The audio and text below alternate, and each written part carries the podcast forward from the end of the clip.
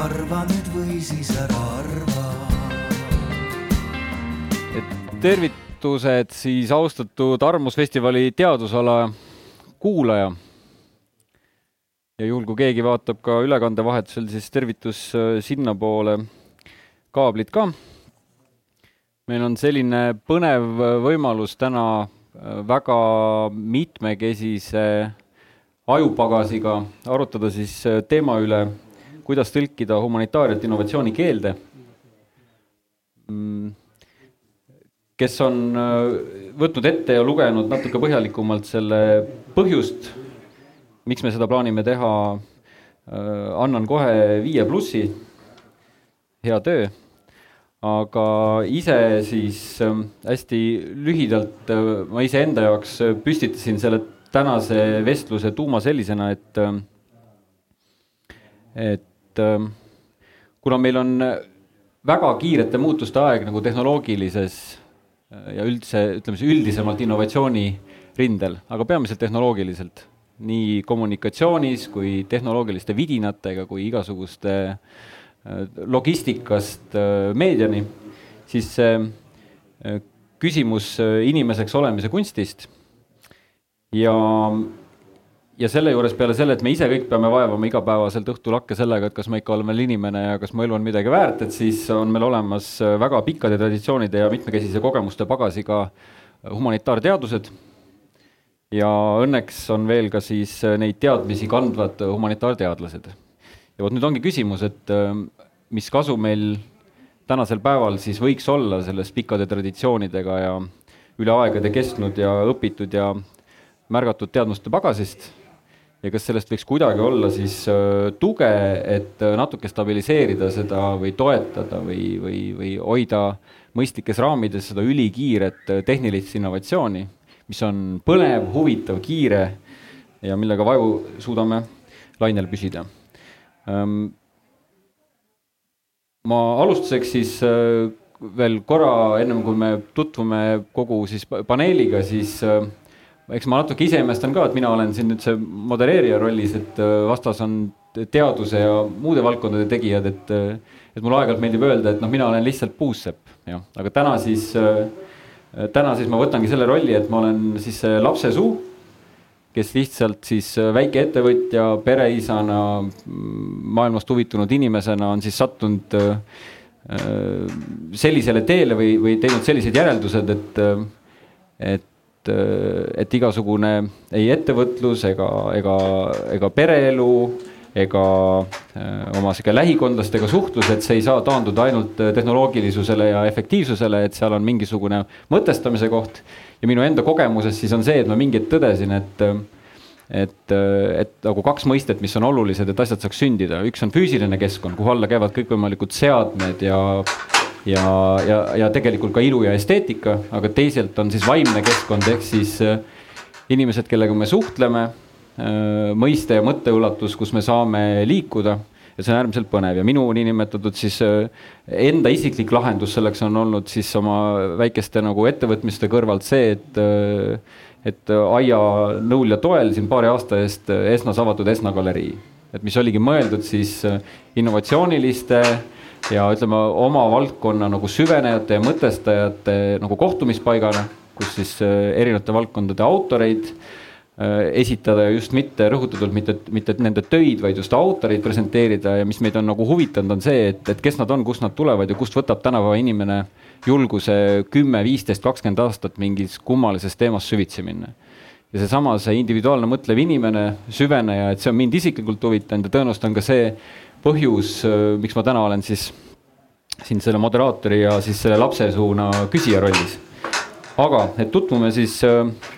äh, esmalt meie siis mitmekesise panelistide seltskonnaga, et hakkame pihta Aia sinust. mul on siin kirjas kultuuritõlk, tõlk kirjanik kirjandusteadlane. kuidas sa tutvustaksid ennast? Ja aitäh Äh, aitäh sulle selle sissejuhatuse eest. Äh, võib-olla mina oleksin tahtnud lisada veel, mida sa ei maininud enda kohta, on, on see fakt, et äh, oled olnud osaline ähm, humanitaar- ja kunstide valdkonna alase ettevõtlusõppe nagu ümberkujundamises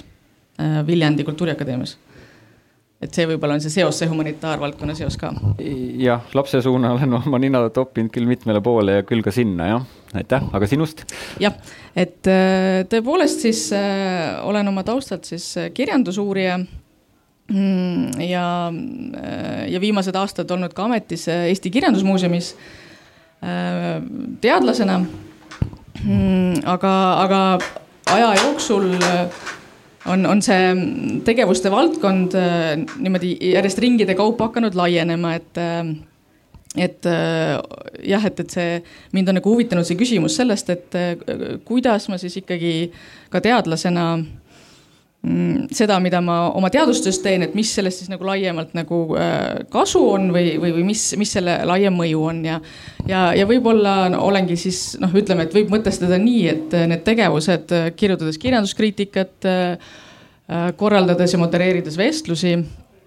Mm, et see on siis ka, ütleme siis äh, selle mm, noh, teadmuse võib-olla siis äh, siirdamise osa, et viia,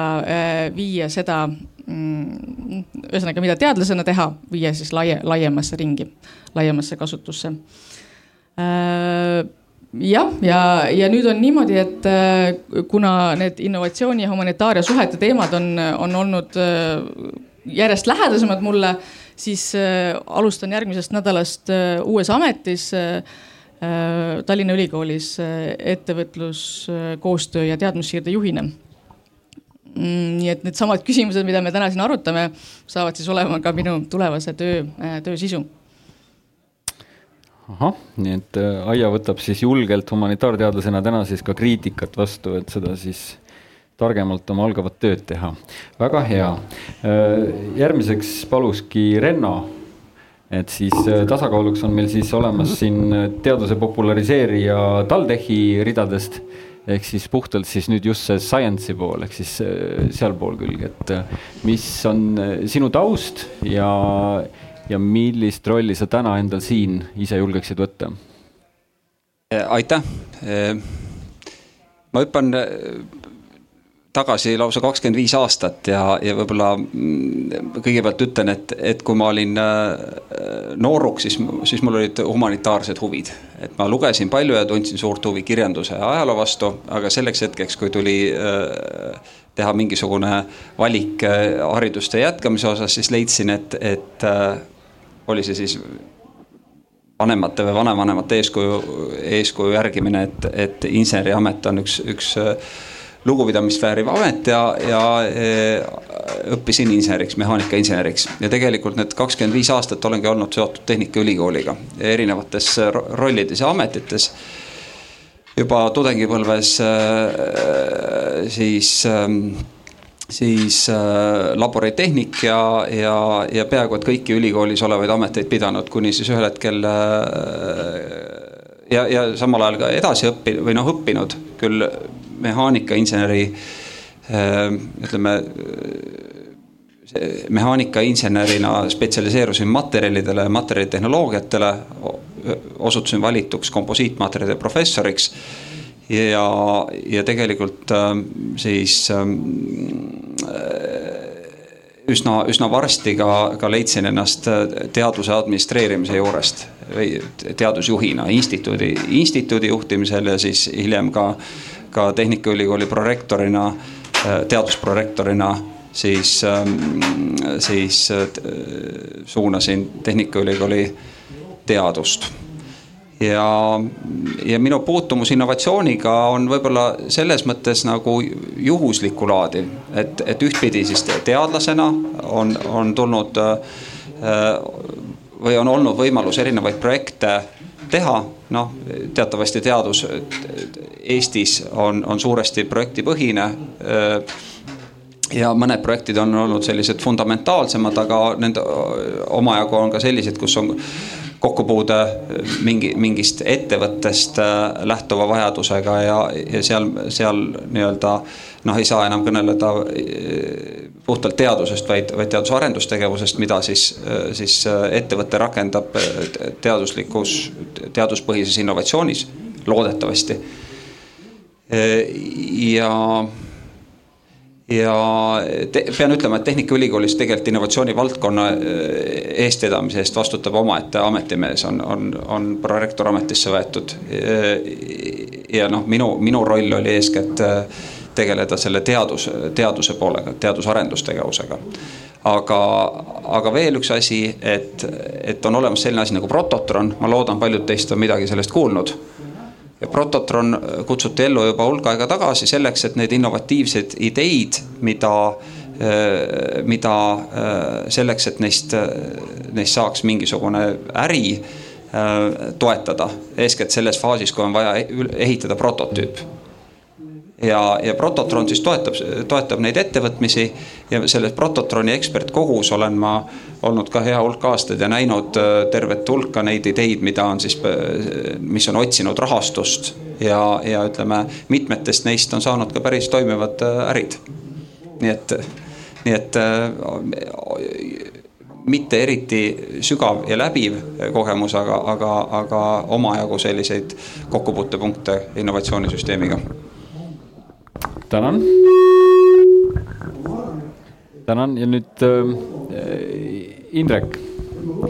Indrek, kui siis äh, hetkel äh,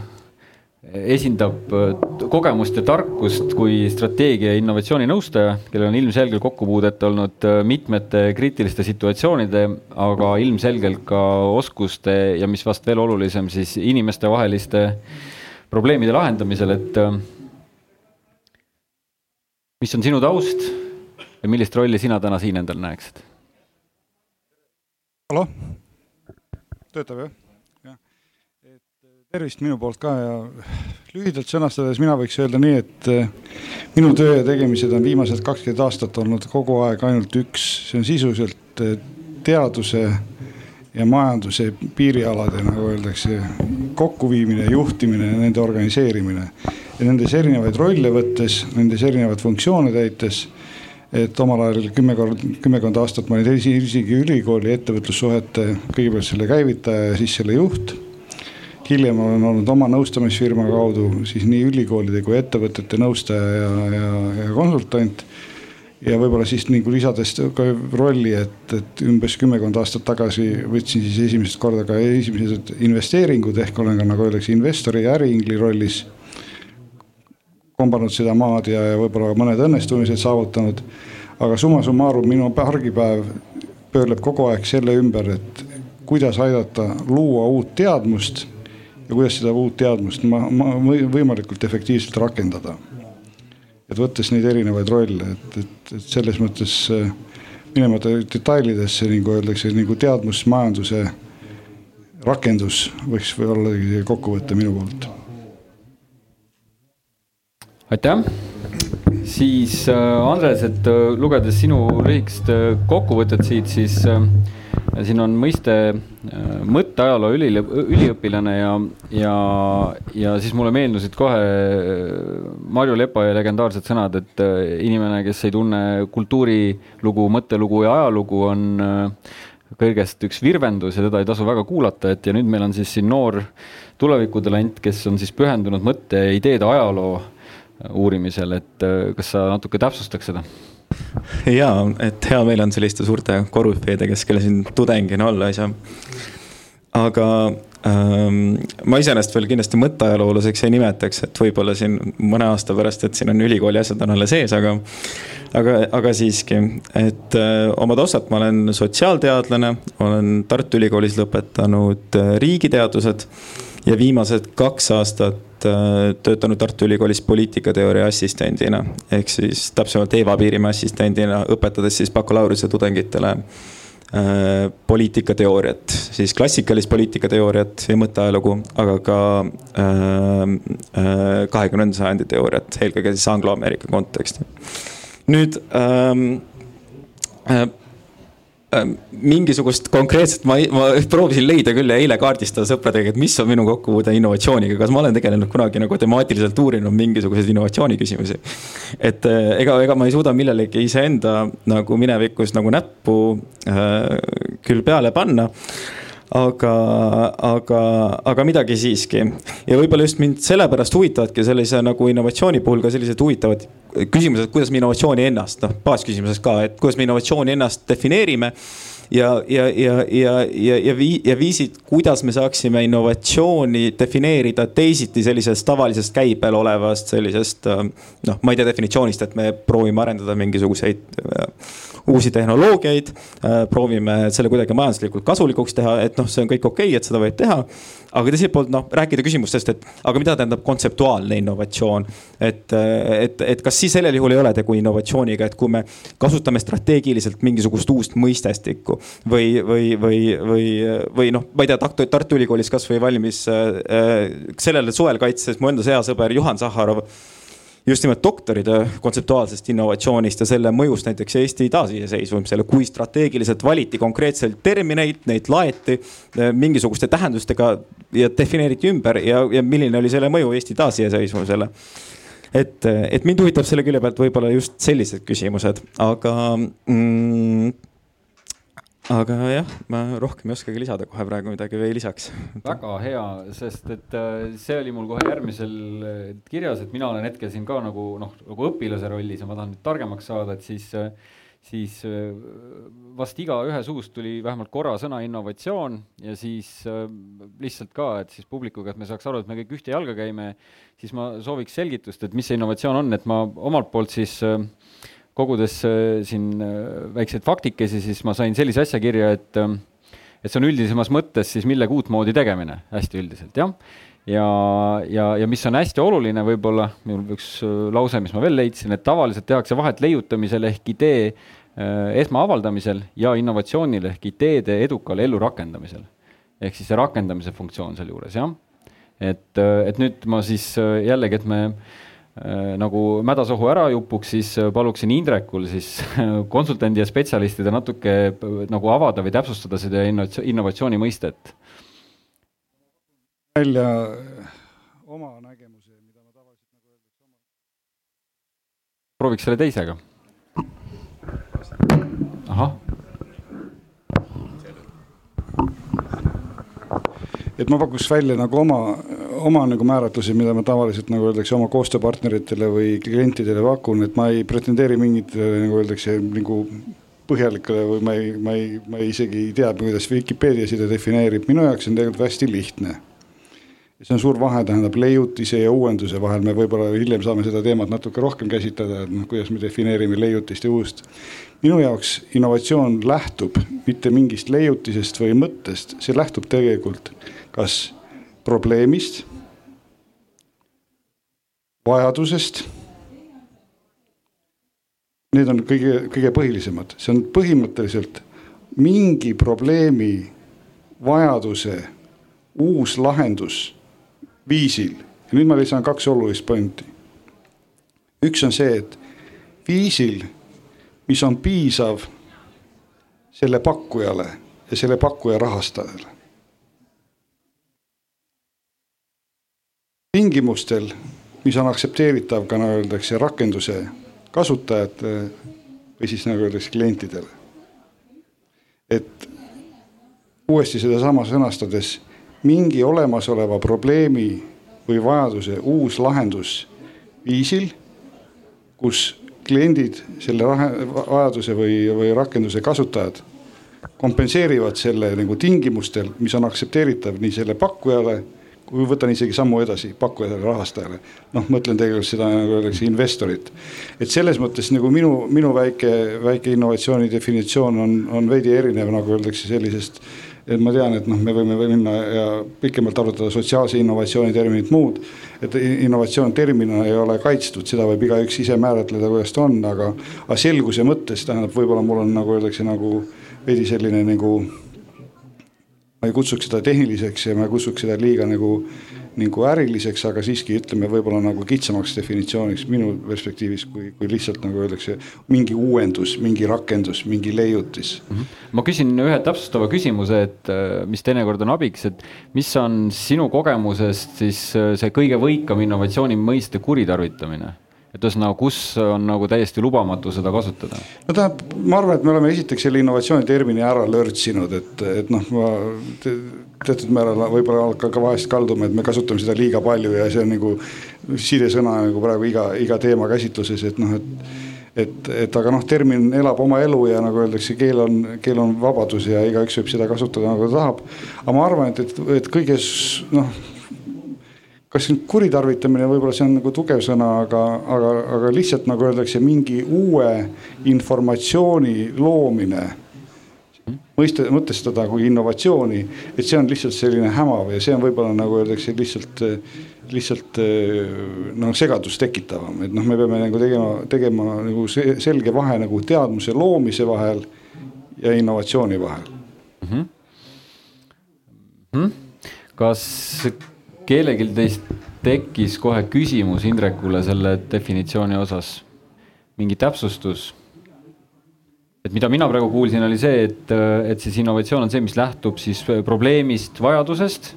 ja millel on siis ütleme siis laiem selline nagu kuluefektiivsuse tõstmise mõõde või mingi kasutegur siis selle kasusaajale. no võib-olla sellist kuluefektiivsust jätame kõrvale, aga noh, nagu ma tahan nagu seda öelda, et, et minu jaoks ei ole innovatsiooni, kui ei ole vajadust või ei ole ka probleemi et kui lahendatakse, lahendatakse küsimust, mis ei ole tegelikult küsimus mm, -hmm. nagu öeldakse, siis, siis mina ei näe ka selles nagu innovatsiooni potentsiaali. ehk siis remondime koolimaja ei ole innovatsioon äh, parandame kooli ventilatsioonisüsteemi, et laste aju oleks hapnikuga varastatud, varustatud õppimise ajal, võib käia innovatsiooni alla. kui me parandame seda õhuvahetust mingil uuel nutikal viisil, mis võib-olla nagu parandab seda nii õhku parandab võib-olla energia tarbimist, siis me hakkame väga lähedale tulema sellele mm.. et nagu öeldakse nagu noh, meie elu on täis remontimist ja me peame remontima palju asju, aga, aga teeme nagu vahe selles, mis on remontimine, mis on innovatsioon mm. -hmm. Um, Aia uh, nüüd siis uh, humanitaaria mõtestaja, et sellise definitsiooni ja kirjelduse juures siis, kus, kus sinu peas, kas sul lööb mõni häirekell tööle, et, et oot-oot-oot Äh, kas just nii, aga, aga, aga tõesti, et võib-olla ma tahtsin küsida äh, just äh, ka mõeldes selle peale, mida Andres enne välja tõi, et nüüd probleemi, olemasoleva probleemi uus lahendus. Aga, aga võib-olla nüüd, kui me kas me saaksime seda avardada ja öelda, et kas see saab olla siis ka võib-olla äh, mõne probleemi ähm, äratundmine ja, ja mõtestamine või, või nagu nägemine siis nii-öelda, eks, et, et see võib-olla, mida Andres siis kirjeldas selle äh, kontseptuaalse innovatsiooni äh, mõistega. et küsimus siis sellest, et, et me üleüldse siis märkame, et, et siin on probleem ja, ja oleme võimelised seda siis äh, kirjeldama ja, ja mõtestama Äh, et, et kas äh, see saab siis olla nagu ka ikkagi innovatsiooni osa või, või mis kontekstis see saab olla innovatsiooni osa? sest et jah, et, et humanitaarina mul hakkab kohe, eks ju, õudne, et, et kui me räägime, eks ju, kasust ja me peame kuidagi nüüd selle äh, suutma nagu, et innovatsioon on ainult siis, kui äh,, kui me saame selle nüüd nii-öelda kellelegi maha müüa äh,, ütleme lihtsustatult. et siis äh, võib-olla humanitaarvaldkond nagu seda kogu teed ära ei suuda teha või see on võib-olla see siin võib tuure kohe väga kõrgele üles tõmmata, et,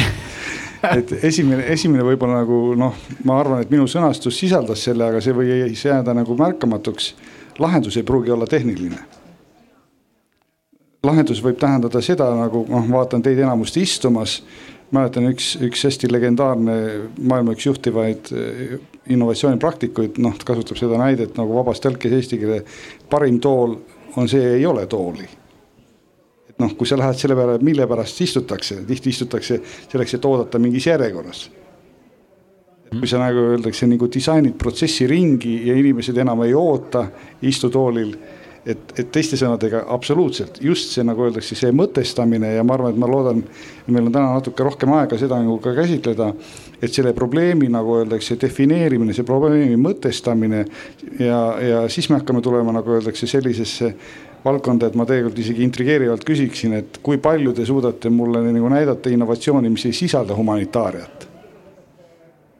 et ma väidan, et, et suur enamus edukat innovatsiooni viimasel kümnendil on sisaldanud väga märgataval määral humanitaariat, aga kas humanitaarid alati ise sellest on aru saanud, see võib-olla on nagu teine küsimus et, et aga jah, nagu ma ei tea, kas ma vastan sellele küsimusele, et, et kindlasti, kindlasti tähendab nagu innovatsiooni tõlgendus, nagu öeldakse, ainult mingi nagu tehnilise rakendusena on väga nagu ütleme, nihilistlik eh, lähenemisviis. nüüd. ja küsi, palun aga minu arust on nagu siis sel juhul nagu huvitav mõelda just seda, et okei okay,, meil näiteks äh,, ma ei tea, mõtleme me Sigmund Freudi, mõtleme, et meil on inimeste mingisugused psühholoogilised probleemid, ta paneb neid tähele, eks, ja see on see probleem, mida ta tahab lahendada, eks ja nüüd ta loob selle mingisuguse täiesti uue sellise raamistiku, kuhu see paigutada, ta räägib, eks alateadvusest või mitteteadvusest, ta räägib teadusest, räägib nende vahel suhtest, kuidas inimestes on midagi kuidagi kuskil ladestunud. ja noh, käib välja sellega konkreetsed meetodid, kuidas siis sellega tegeleda, eks hüpnoosi vahendusel ja mis iganes. eks ja noh, loomulikult tuleb seda vaadata siis tema eluaja kontekstis või tema ajastu kontekstis, aga teiselt poolt noh, kas see on siis innovatsioonina ikkagi kirjeldatav või et noh, et mingisuguse konkreetse noh, mul on tunne, et selle probleemi me laieme alati, et eh, ma ei tea, enne oma teooria, ma ei tea, kirjutamist või pärast selle kirjutamist. aga, aga just nagu äh, noh, kui ma mõtlen enda valdkonna peale, siis noh, küsimus on see, et äh, nagu küsimus on selles, kuidas me äh, ähm, äh, milline on kõige, esiteks, kuidas me isegi selle äh, probleemi enda nagu teoritiseerime või kirja panema. aga teiselt poolt äh, äh, noh pakkuda välja ka mingisugune konkreetne, ma ei tea, teoreetiline mudel, et paigutada see probleem ise konteksti ja sealt kuidagi noh, ma ei tea, rakendades siis sotsiaaljoomagete nagu ma ei tea, meie ühiskondlikus elus, et siis noh.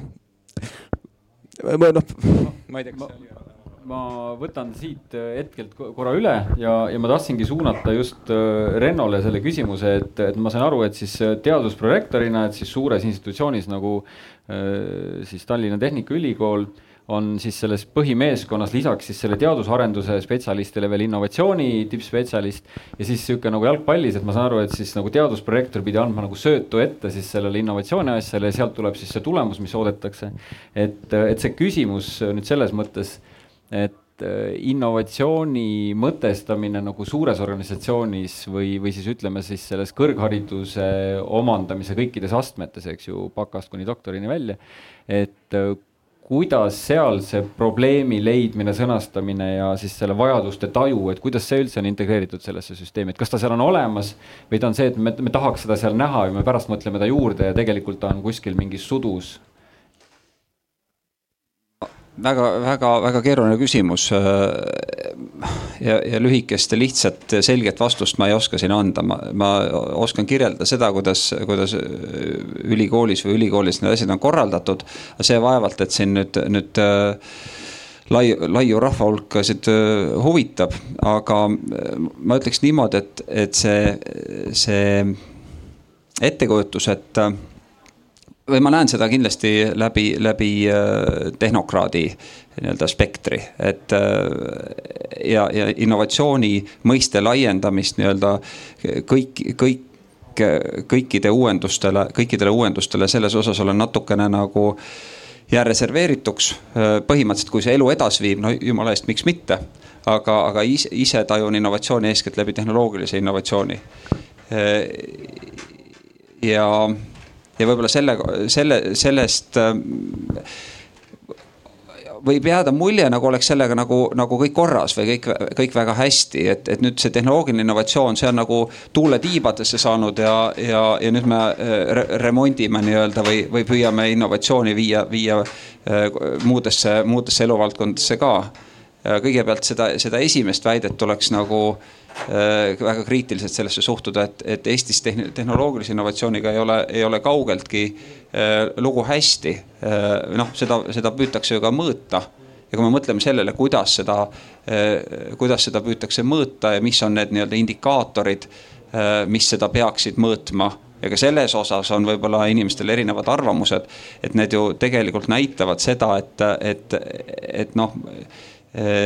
me, me väga hästi siin äh, ei orienteeru. et, et räägitakse patentidest ja räägitakse intellektuaalomandist ja, ja, ja ja, ja noh, kuidas meil sellega Eestis on, pigem, pigem halvasti võrreldes meie, meie lähinaabritega, nii et siin see nagu on siis nii-öelda tehnoloogilise innovatsiooni kohta. Ja, ja me alles õpime tegelikult seda, seda võib-olla enda jaoks mõtestama, et see, see, mida ja kuidas me õpetame, see on olnud paljude aastate vältel ilmselt nagu noh, kui mitte vale, siis, siis vähemalt ebapiisav ja, ja siin on suur töö ära teha, et tegelikult nii-öelda organisatsiooni nii-öelda sisse organisatsiooni, kus töötab tuhat või kaks tuhat inimest, tegelikult see, see nii-öelda see äh, innovatsioonist. Ja, ja ma mõistan siin innovatsiooni üsna, üsna sarnaselt, et äh, noh, nii-öelda vajadusest või pro probleemist lähtuvat innovatsioon või, või sedalaadi mõtlemist nii-öelda sellesse organisatsiooni sisse istutada ja, ja kasvatada, nii et inimesed õpiksid ka, ka nägema ja märkama. ma proovin küsida nüüd ühe lihtsama, lihtsamalt tegelikult sarnast moodi seda küsimust, et ma just mõtlesin välja, et selles söödumängus on nagu veel üks prorektor eespool, tõenäoliselt on seal olemas ka õppeprorektor, kes korraldab õppetööd ja siis noh, on teadus, mis selle pealt tekib mingis astmes ja sealt edasi siis eeldame, et siis see omakorda söödu innovatsioon ja siis on värav, eks jah. et niimoodi puh-puh ja nagu kiirrünnak. aga siis see, mis puudutab seda õppeprojektori astet, ehk siis kus on kõik see õppe korraldamine ja, ja nii palju, kui mina olen ülikoolisüsteemist aru saanud, siis Eestis on suuresti see väljundipõhine õpe. ja kui me võtame nüüd äh, Tehnikaülikooli ja, ja ütle, ütleme, et meie eesmärk on siis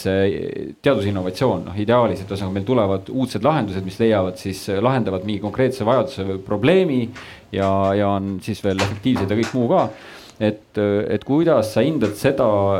ütleme siis õppekavades, õppemahtudes seda osa, mis puudutab siis seda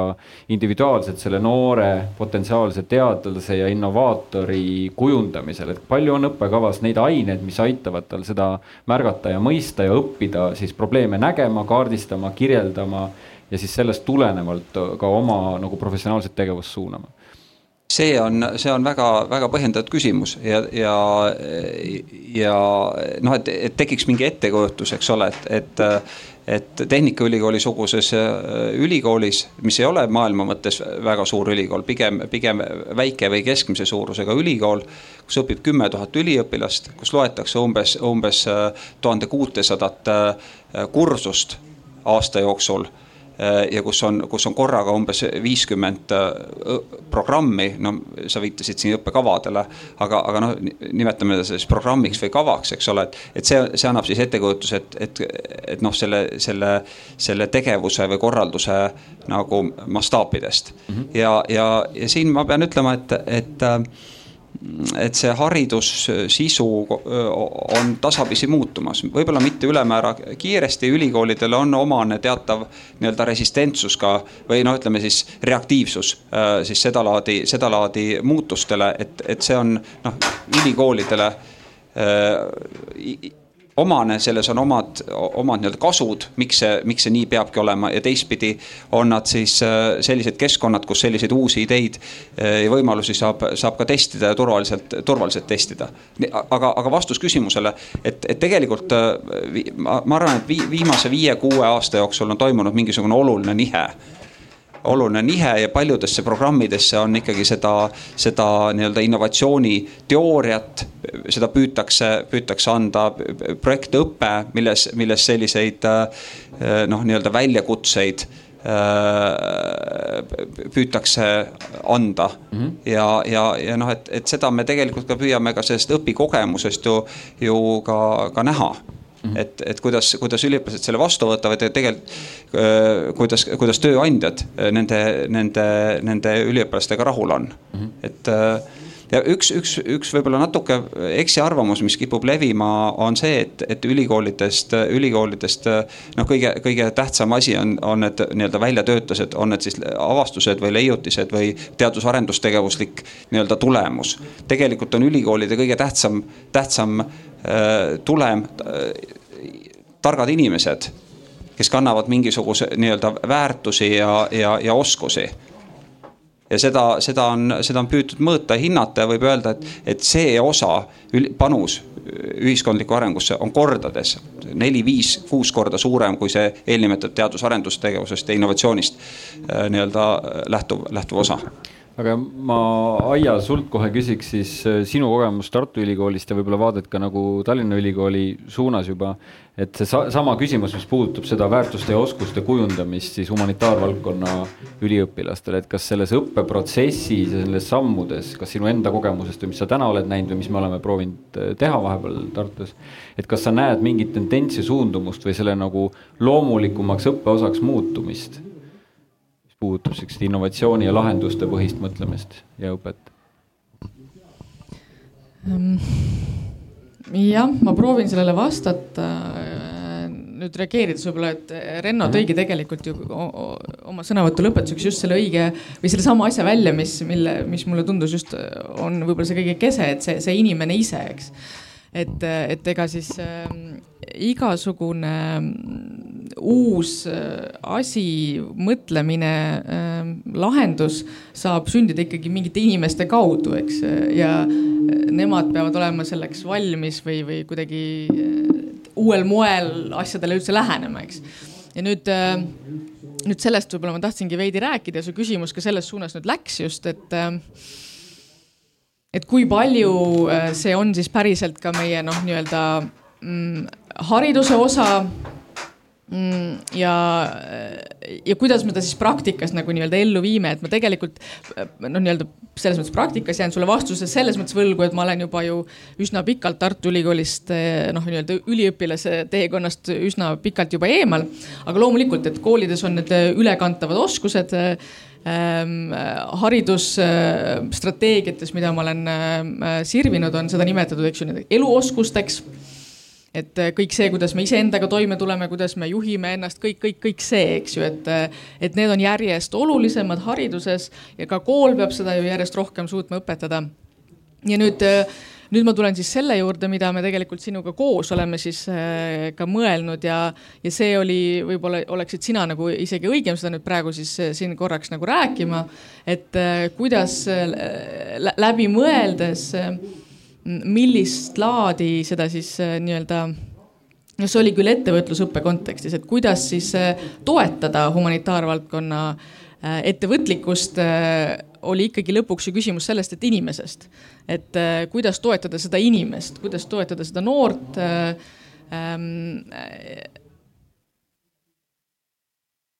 astuma nii-öelda oma tava, oma, ütleme siis niimoodi, ütleme siis nende sõnadega, astuma oma mugavustsoonist välja mm. -hmm. Ja seadma omale äh, eesmärke ja olema siis nagu valmis võib-olla siis ka, miks mitte äh, ka neid nii-öelda Mm, noh, tagasisidestama või mõõtma, ütleme siis niimoodi, et mm, -hmm. et kuidas ma siis nende lahendusteni jõuan, et lahendusteni jõudmine paraku vajab selget eesmärgistamist ja, ja siis noh, ka tagasisidestamist. ja siin ma võib-olla siis lühidalt kommenteerin seda, et see sattudes siis ülikooli sees praktikuna konsulteerima ettevõtluse õpet ja just humanitaarteaduste ja kunstide valdkonnas siis äh, minul, kes ma tavaliselt pean kulutama iseenda raha ja aega, kui ma oma asju oma ettevõtetes teen, tekkis kohe küsimus, ma tahtsin aru saada, mida mult oodatakse, et mis on ettevõtlusõpe. ja tuvastasin sarnase asja, mis ma pakun, mis on innovatsiooniga, et seda on kasutatud mitmetes arengudokumentides, otsustes, isegi eelarvetes, aga kuskil ei ole ühest definitsiooni, mida selle all silmas peetakse. Ja otsides siis lõpuks ma nagu tuvastasin, kus ta siis asetseb, kui me tahame öelda näit-, näiteks, et sellises suures ülikoolis, mis on hästi mitmepalgeline, on see nüüd kohustuslik kõikides valdkondades et, et selle õppe roll ei olnud mitte midagi muud, kui anda neid kaasaegseid äh, siis äh, ülekantavaid oskusi või ülekantavaid oskusiks, mille kujunevad siis nii-öelda täpselt pädevused oma töö efektiivsemaks tegemiseks oma õpitavas erialal, eks ju, ja sama see väljakutsete seadmine, mõõde, mõõdetavuse seadmine, ma panen sihi, et kuidas tegutseda, eks, et, et ma, seal on samasugune segadus et hästi lihtne rääkida ettevõtlusõppest ja kulutada sinna miljoneid, eks ju. samas kordagi kokku leppimata, miks me seda teeme, ehk siis sama, et seal seda innovatsiooni ei teki, eks ju, on lihtsalt nagu mingi noh, sihuke sudimine ja nüüd on see õnnetus, et siis on innovatsioon, innovatsioonita on sama, mis on tekkimas terminoloogiliselt, aga, aga ma sellest võib lõputult rääkida, mis sellest ettevõtlusõppest puutub, et ärme sinna täna lasku. ma tahtsin küsida Indrekult nüüd kommentaari, et meil on nüüd olnud siin sihuke Eesti-poolne vaade, ütleme siis Tehnikaülikooli poolt ja siis natuke humanitaaria poolt. et nüüd sinu kogemus tõenäoliselt konsulteerides mitmeid ülikoole nii Eestis kui mujalt et äh, mille taha siis need ülisuured gigantsed institutsioonid takerduvad, noh, kui tegelikult ühesõnaga mõte on, mõte ja ootus on hea, et me tahame seda äh, teadmussiiret ja innovatsiooni ja, ja olla efektiivsemad ja tõhusamad ja, ja osaleda nagu väga aktiivselt muutuvas maailmas aga mingil põhjusel need takerduvad selliste mullikestesse, et mis need, ühesõnaga, mis need peamised probleemid on peale selle, et mõist-, mõisteid ei tunta. ja võib-olla, mis on need elementaarsed asjad, mis on aidanud äh, nagu mõne institu-, institutsiooni sellest kitsaskohast üle. ma kuulasin seda ettevõtlusõppe teemat ja, ja tulin korraks selle, selle probleemi definitsiooni juurde ja ma näen tegelikult siin palju sünergiat. võib-olla isegi mingi hetk nagu hea meelega kommenteeriks seda, aga vastus kõigepealt su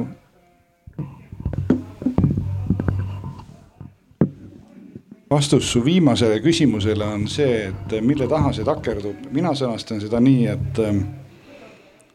ühiskond ei ole osanud defineerida oma ootusi ja ülikoolid, akadeemia ei ole osanud defineerida oma tegevust. ja, ja mida ma selle all mõtlen, on see, et äh, ma sõnastan seda ühiskondliku vastutuse nime all. Et äh, ülikoolid peaksid paremini oskama defineerida oma ühiskondliku vastutuse. tähendab selle, mille pärast ühiskond võiks, peaks ja peab neid finantseerima. ja nii nagu ma olen ise sõnastanud, et mina näen majandusliku mõju dimensiooni ainult ühe väikese osana sellest suurest ühiskondlikust vastusest. see ei ole kõige tähtsam, see ei ole kõige suurem aga kui me räägime näiteks ütleme ülikoolist, kellel on ka ütleme märgatav loodusteaduste osakaal, noh rääkimata siin ütleme tehnika osakaalust. ühiskondlik vastutus ilma majandusliku mõju definitsioonita ja kaasa arvatud nagu eksplitsiitse, nagu öeldakse, et kuidas konkreetne ülikool, konkreetne instituut seda saab näidata. et see jääb tühjaks jutuks ehk vastus küsimusele, et mille taha see on takerdunud põhimõtteliselt on nagu mõlemapoolsed ootused, ülikoolis oodatakse, et, et ühiskond ja riik võiks ju rahastada natukene rohkem. ja siis veel natuke rohkem. ja siis veel natuke rohkem ja kusjuures tegelikult, kui me vaatame praegu globaalseid trende,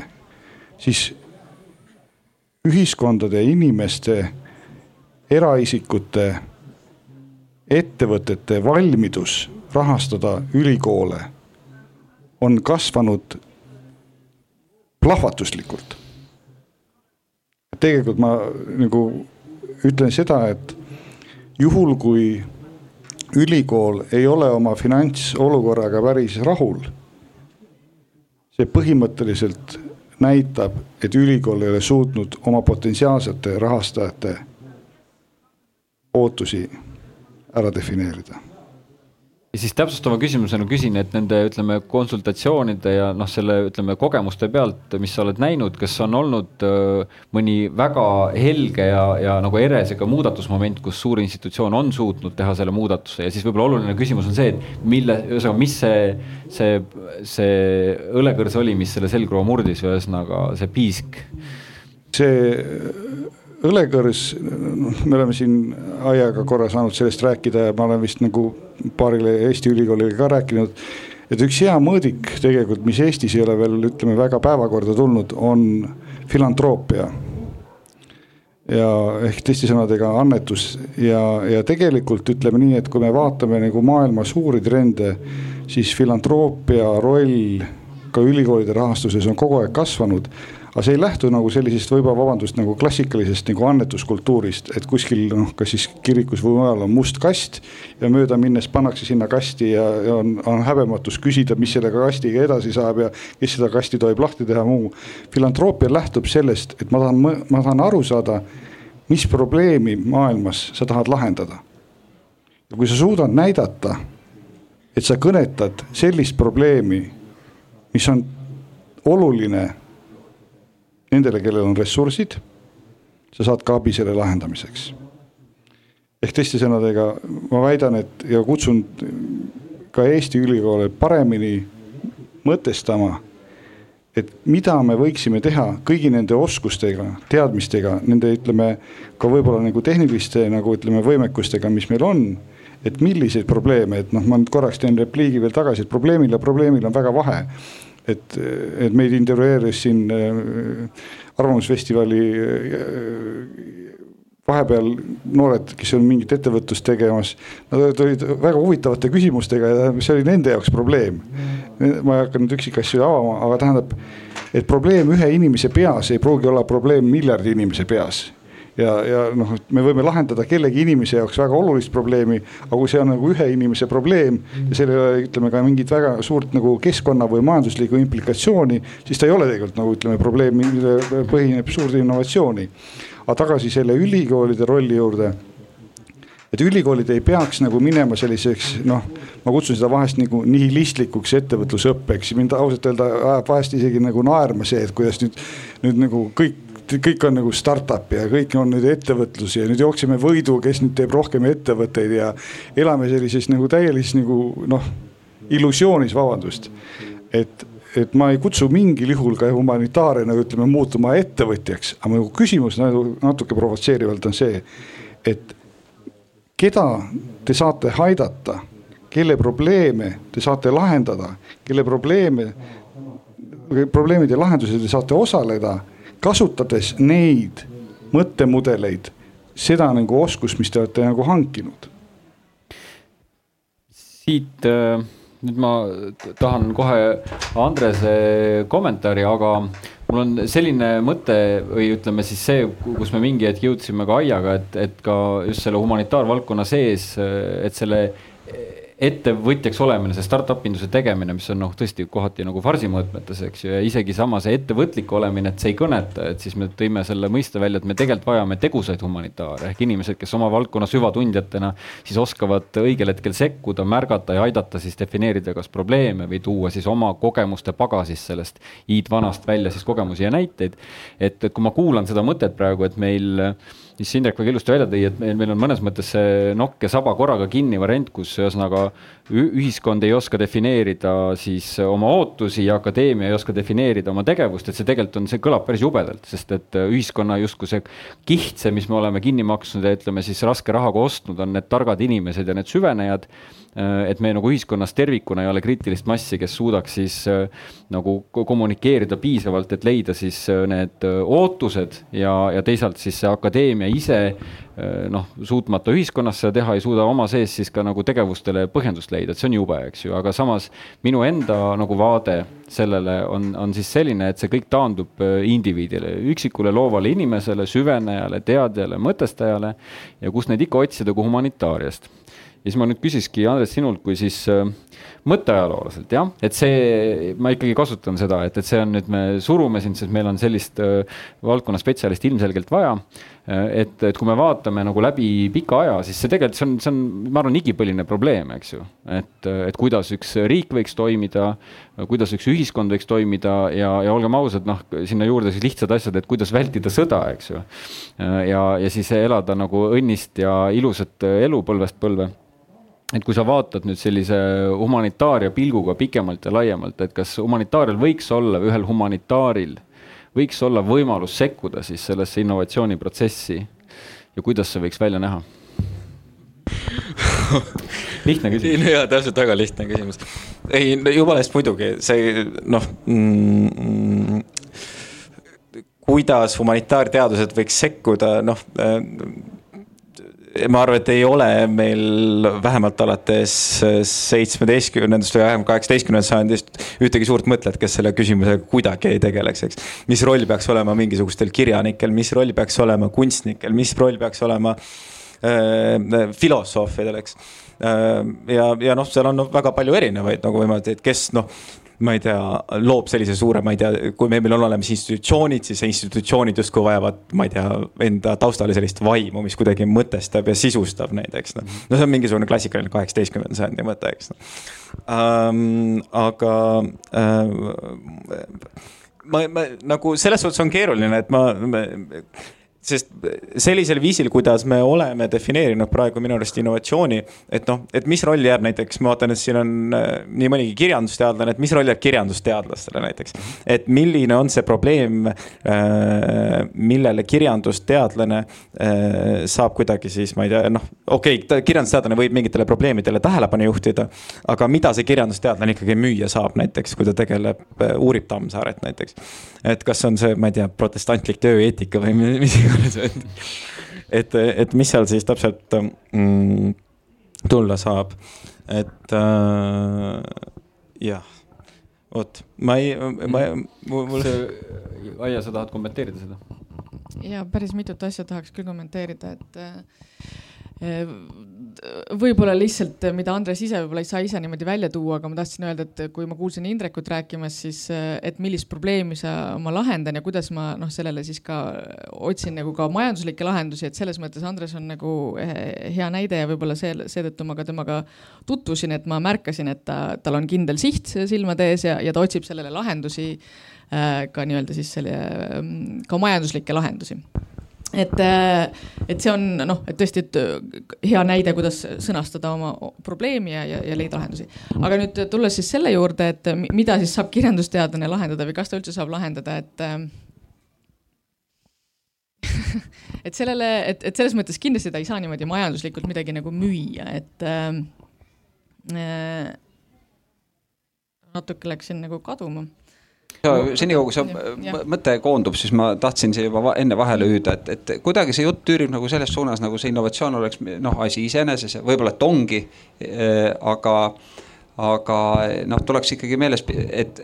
kui me räägime human-, humanitaaria teadustest, siis, siis noh, mina, mina näen seda eeskätt noh, nende tähtsus selles, et, et nad, nad annavad vastuse küsimusele, miks et ja, ja tehnikateadused, loodusteadused pigem annavad vastused küsimusele, kuidas. ja, ja, ja noh, kas nüüd on see siis humani-, human-, humanitaarteadlased või humanitaarteadustest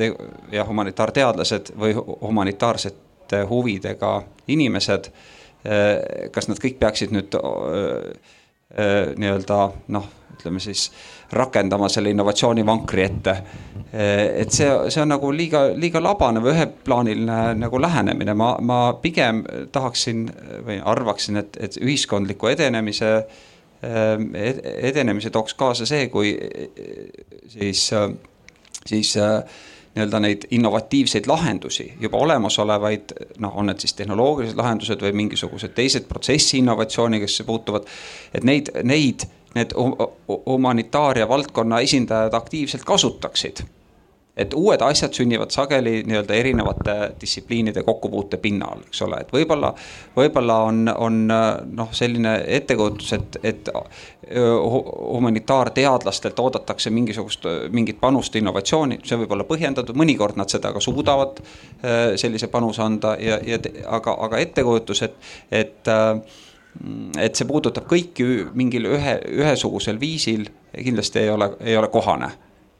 oh,. jah, nüüd, nüüd ma kommenteerin seda paari asja, oota. et, et tõesti, et, et see võib-olla see üks küsimuse püstitus miks üldse see probleem või üldse selline teemapüstitus ka nagu minu jaoks on olnud küsimus sellest, eks ju, et võib-olla poliitika kujundamisest, et, et mure selle pärast, et, et kuna tõesti, eks innovatsioon või ka sõna teadmussiire Äh,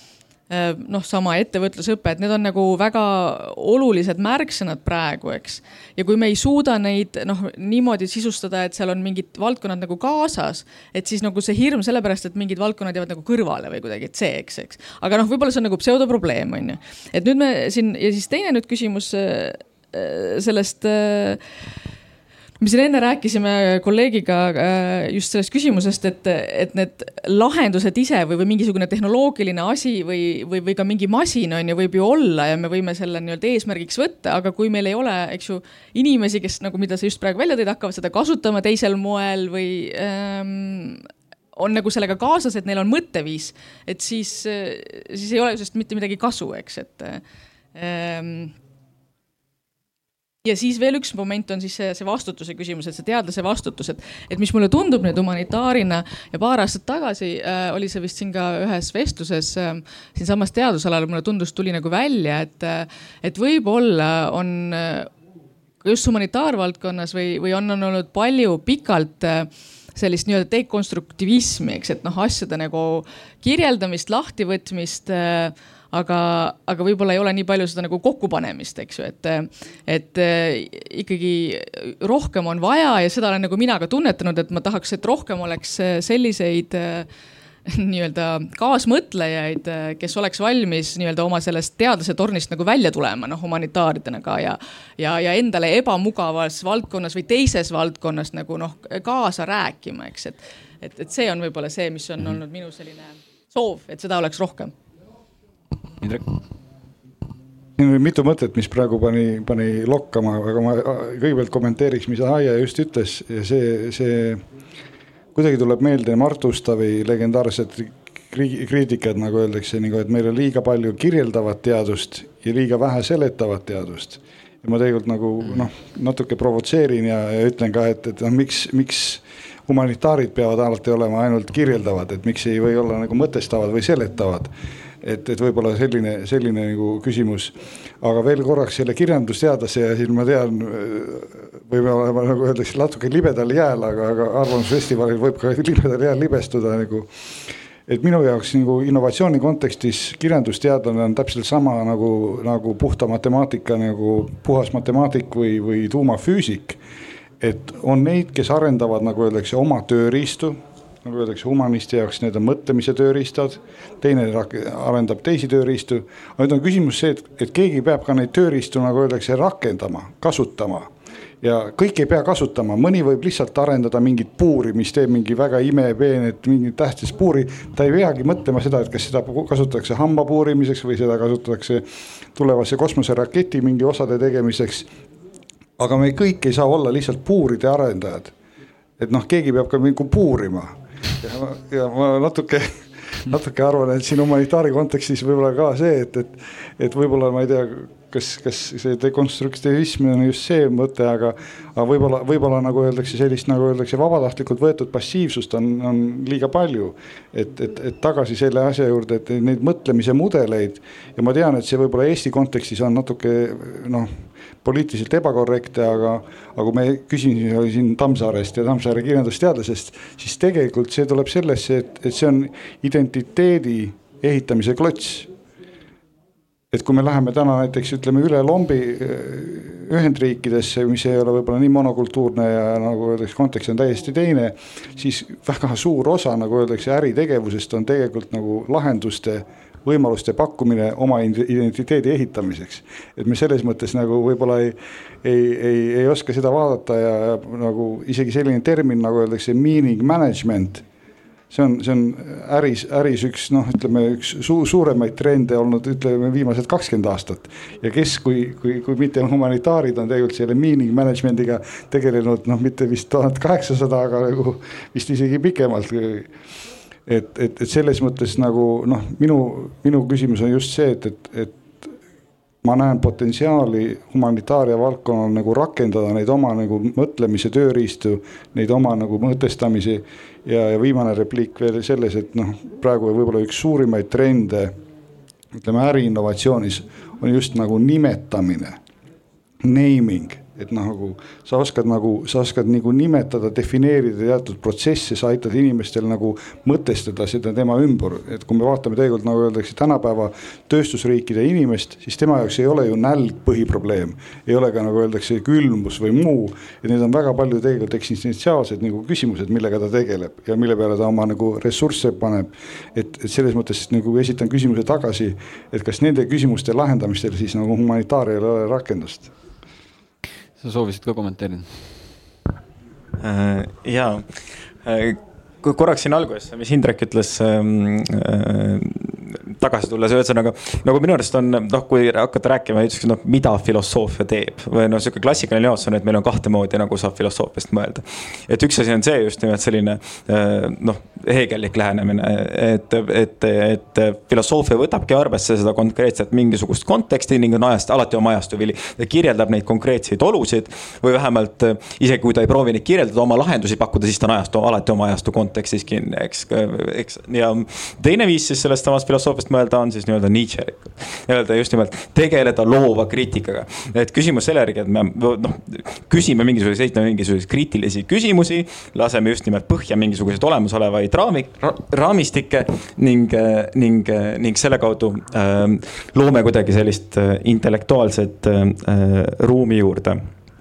nüüd äh, mul on mm, nagu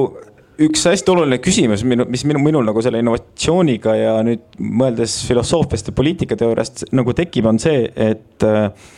et kust tulevad, ütleme, mingisugused kõige suuremad läbimurded või kust tulevad mingisugused tõelised muutused, mis leiavad aset mingisuguste, ma ei tea, valdkondade sees. ma ei tea, mis tegelevad mingisuguse probleemiga, siis näiteks heidavad neile valgust, eks. ja mul on tunne, et need nagu, et, et, et see juhtub siis, kui sa annad nagu väga kõrge IQ-ga inimestele nagu suhteliselt vabad käed teha seda, mida nad parajasti tahavad teha, annad neile piisavalt raha, annad neile mingisugused ideaalsed tingimused. aga mul on tunne, et nagu selline näiteks kasvõi ma ei tea, rääkida akadeemia rahastamisest või, või, või, või, või, või nagu või stipendiumite või grantide saamisest. et süsteem, mis meil täna on, et see justkui nagu eeldab justkui seda, et, et või vähemalt selle sisu tundub mulle olevat selline, et me võtame mingisugused, mingisuguse hulga nagu suhteliselt andekaid inimesed ning laseme neil kuidagi, ma ei tea, projitseerida ära need tulemused, mis nende eeldatavast uurimustööst juba tulevad. ja noh, see tähendab lihtsalt seda ja siis laseme neil konkureerida öö, oma mingisuguste, ma ei tea, tuttavate, sõpradega. laseme neil veel, võtame need hindajad, kes on nende konkurendid, võtame selle arvesse, eks sealt tuleb omakorda mingisugune selline kähmlus enda vahel, mis tekitab nagunii sisetülisid. aga mida see tähendab, on justkui see, et kui me laseme kirjutada inimestel, ma ei tea projekte, mingisuguseid stipendiumi taotlusi, mis näevadki ette ära täpselt selle tulemuse ja sa pead väga täpselt näitama, noh, ma ei tea, mul on endal noh, just stipendiumile kandideerisin. no seal peab väga täpselt, et kuigi sa pole veel magistriga alustanud, sa pead näitama ära, mis on su magistritöö tulemus enam-vähem. mis sa siis saavutad, kuhu sa sellega jõuad täpselt. ja mul on tunne, et noh, kui me tahame rääkida mingisugustest tõelistest sellistest läbimurretest, olgu need siis, ma ei tea, filosoofias või füüsikas, siis ongi seda, meil on vaja sellist noh, ma ei tea, sihukest nagu tarku inimesi, kellele anda, on antud suhteliselt vabad käed lihtsalt tegutseda ja oma asju teha. et mul on tunne, et natuke seesama süsteem, kuidas me rahastame, kuidas me need võimalused inimestele loome, et see ise hoiab tagasi seda siis nii-öelda innovatsiooni humanitaarteadustes näiteks mm ma omalt poolt lisan, et mingi hetk vaadates ka ja arutades selle üle, et miks Eesti humanitaarteadustes ütleme, rahvusvahelisi individuaalgrante nii palju ei tule, siis mina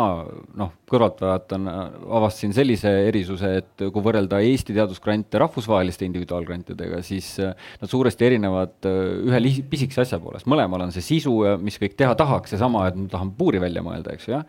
aga rahvusvahelistel grantidel on see implementation and impact selle juures, ehk siis me näitame, et ühesõnaga, kuidas ma seda kommunikeerin kommunikeerin, eks ju, kuidas see jõuab massidesse, kus jõuab kasutusse, mis efektiivsus sellel on, kõik see pool. aga ma nüüd tahtsin siit hüpata ühe äh, olulise märksõna juurde, milleks on see teadmussiire. ja ma toon ühe näite, et kui me siin sattusime täitsa juhuslikult, siis äh, ühe Taiwan'i konverentsi, rahvusvahelise konverentsi Keerisesse, kus, kus juhuslikult meie siinsed mõtted, me avastasime, et sellel on nagu globaalne küsimus ja mõõde ja proovides aru saada, et miks meie mõttepüstitused neid, seda suhteliselt tehnilist Äh,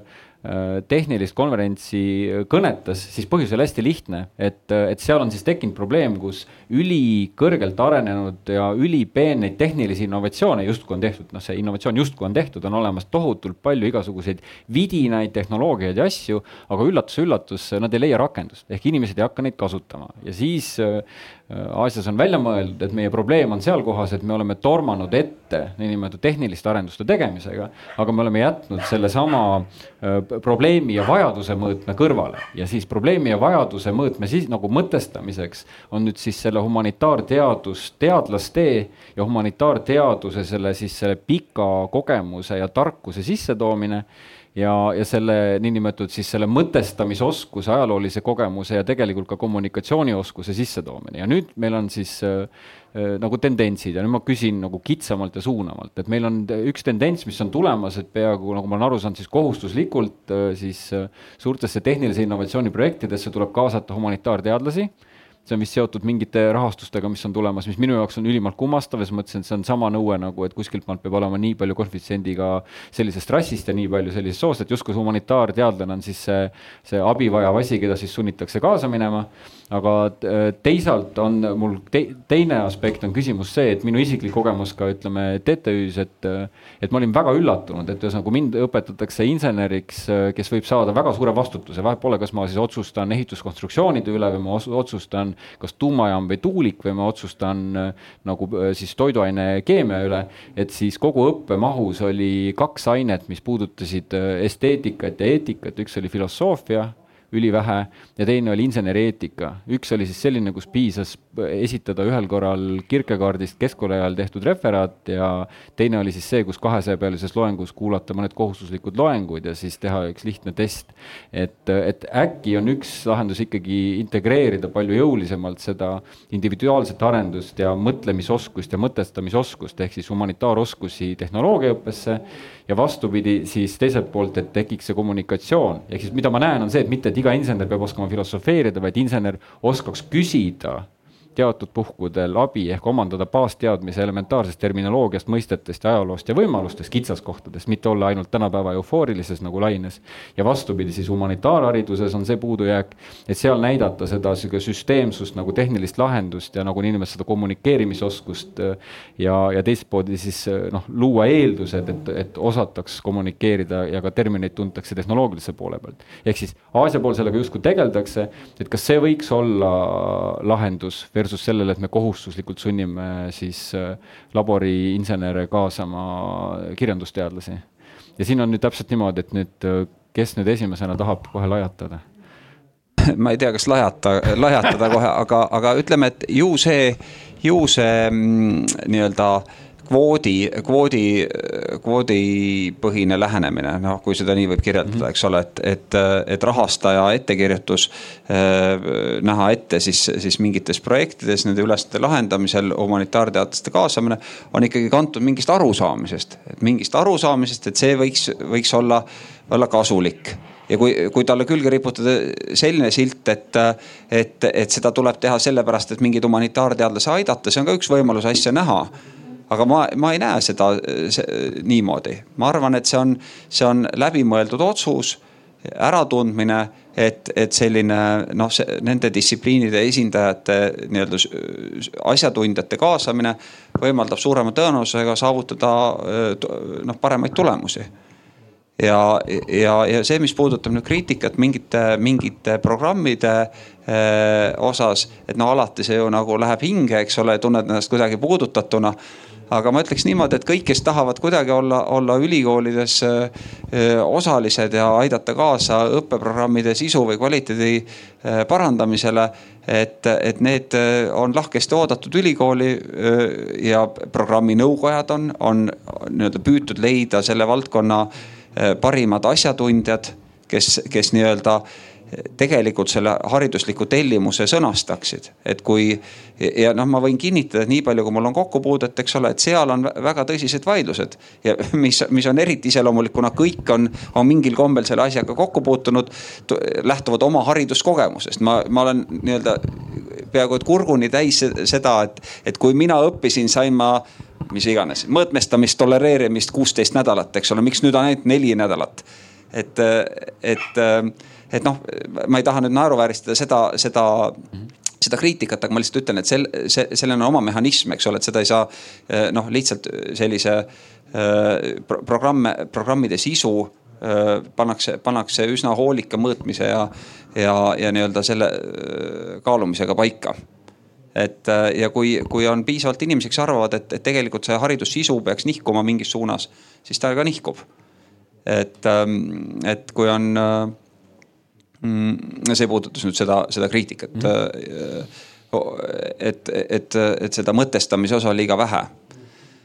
aga kas, aga ütleme, kui vaadata seda küsimust, et kas äh,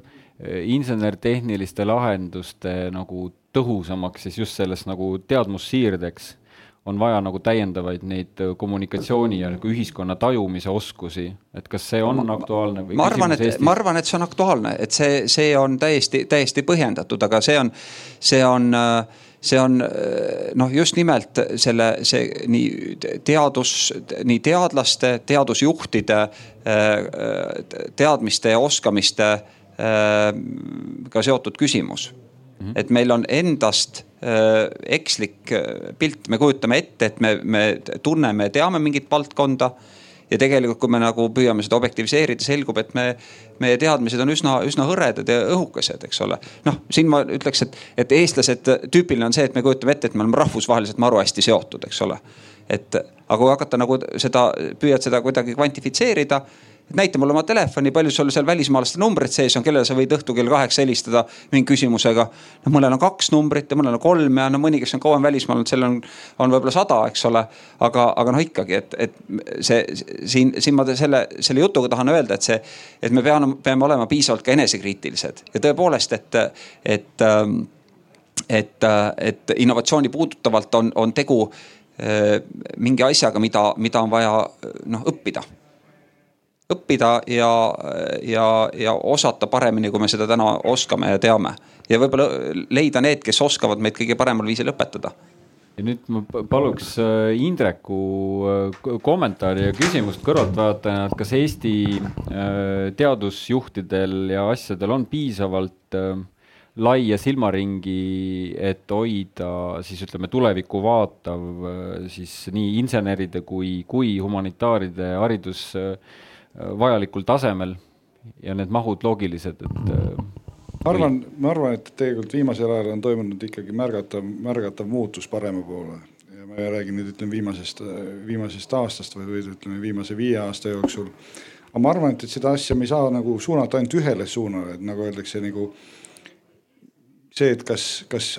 majandus vajaks rohkem humanitaare, kas majandus vajaks rohkem inimesi, kes ütleme, mõistab inimest veidi võib-olla nagu teaduslikumate meetoditega, kui, kui lihtsalt nagu öeldakse nagu õlleklaasi ääres juttu rääkides. et noh, me vajame mõlemaid, et, et siin veel korraks see repliik selle programmi suhtes, et nende kvootide, et noh, ma olen ka nagu teatud määral suhteliselt reserveeritud selliste automaatsete kvootide järgi. aga, aga ma arvan, et nad mingil hetkel on nagu vajalikud ja aitavad. aga teine küsimus on ka see, et, et, et võib-olla ka mingil hetkel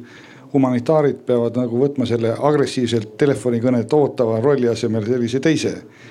et, et noh, võib nagu, võib nagu agressiivselt oodata seda kõnet, millal tuleb kutse, aga, aga äkki tuleb nagu jalad kõhu alt välja öelda ja mitte hakata, nagu öeldakse, noh mingit triviaalset nihilistlikku äri tegema vaid nagu noh, mõtleme seda jaoks, et aga mis on need, ütleme, maailma probleemid, mille lahendamisel ma suudan nagu osaleda ja siis, kes sellega tegelevad et noh, ma arvan, et me suhteliselt vähe räägime võrgustikukapitalist ja, ja ma võib-olla nagu noh rõhutaksin, et, et, et eriti võib-olla nagu humanitaarvaldkonnas peaks rohkem tähelepanu pöörama selle võrgustikukapitalile. et see on lihtne öelda, raske saavutada, eriti kui sa oled, ütleme, noor inimene, noor üliõpilane. kõik on huvitatud huvitavatest kontaktidest, aga mida teha selleks, et ütleme nagu humanitaarvaldkonna, ütleme lõpetajad tuleksid ka ütleme oma piisava, ütleme selle võrgustikukapitali algega, mille peale saaks alata nagu öeldakse mingi ehitus, et. et siia tulevad, ütleme teatud sellised struktuur, strukturaalsed nagu ütleme tegevuslikud momendid ja muud ja noh, loodame, et selles asjas nagu liigume edasi. et, et vast-, vastan, et, et noh, kindlasti on nagu palju tehtud, aga ütleme, pikk maa on veel edasi minna ja, et ma võib-olla ka tingimata ei naeruvääristaks seda, seda kvoodi küsimust ja see ei ole ainult humanitaar, vaid see on humanitaar ja sotsiaalteadlased aga et kuidagi peab seda nagu tagant lükkama, et noh, muidugi oleks oluline, et see ei ole ainult selline nii-öelda noh, nagu linnukese täide. et ma olen näinud selliseid kohtumisi, kus tõesti siis noh, pigem nagu noh, nooremad nii-öelda siis post-doc'i faasis, eks ju, teadlased püüavad tõesti võrgustuda selliselt, et noh, üks, ma olen siit, siit ja ma otsin seda, eks ju, ja olen sellistel kohtumistel osalenud ja ma arvan, et need on väga hea. et, et see, see, see on üks toimiv viis ja, ja online pakub selleks nagu lihtsamaid vahendeid, et äh, kuidas siiski ikkagi tuua erinevaid teadlasi omavahel kokku, et äh,. aga jah, et kõigepealt peab see julgus selleks olema äh,, et seda teha noh, et min-, minna, eks ju, teise valdkonna teadlastega koos, eks ju, mõnda uurimisprojekti, aga, aga ma, ma arvan, et seda tuleb ikkagi ka jõuga nagu tagant lükata, et ega muidu ei lähe et kas võiks olla ehk abi teatud äh, mehhanismide loomisest, mis ütleme, soodustaks siis eri valdkondade ja just eriti nagu äärmuslikult erinevate valdkondade üliõpilaste ja, ja ütleme noh, eriti ütleme doktorantuuri astmes nende kokkupuute, et ma lihtsalt mina näen, et kui tahta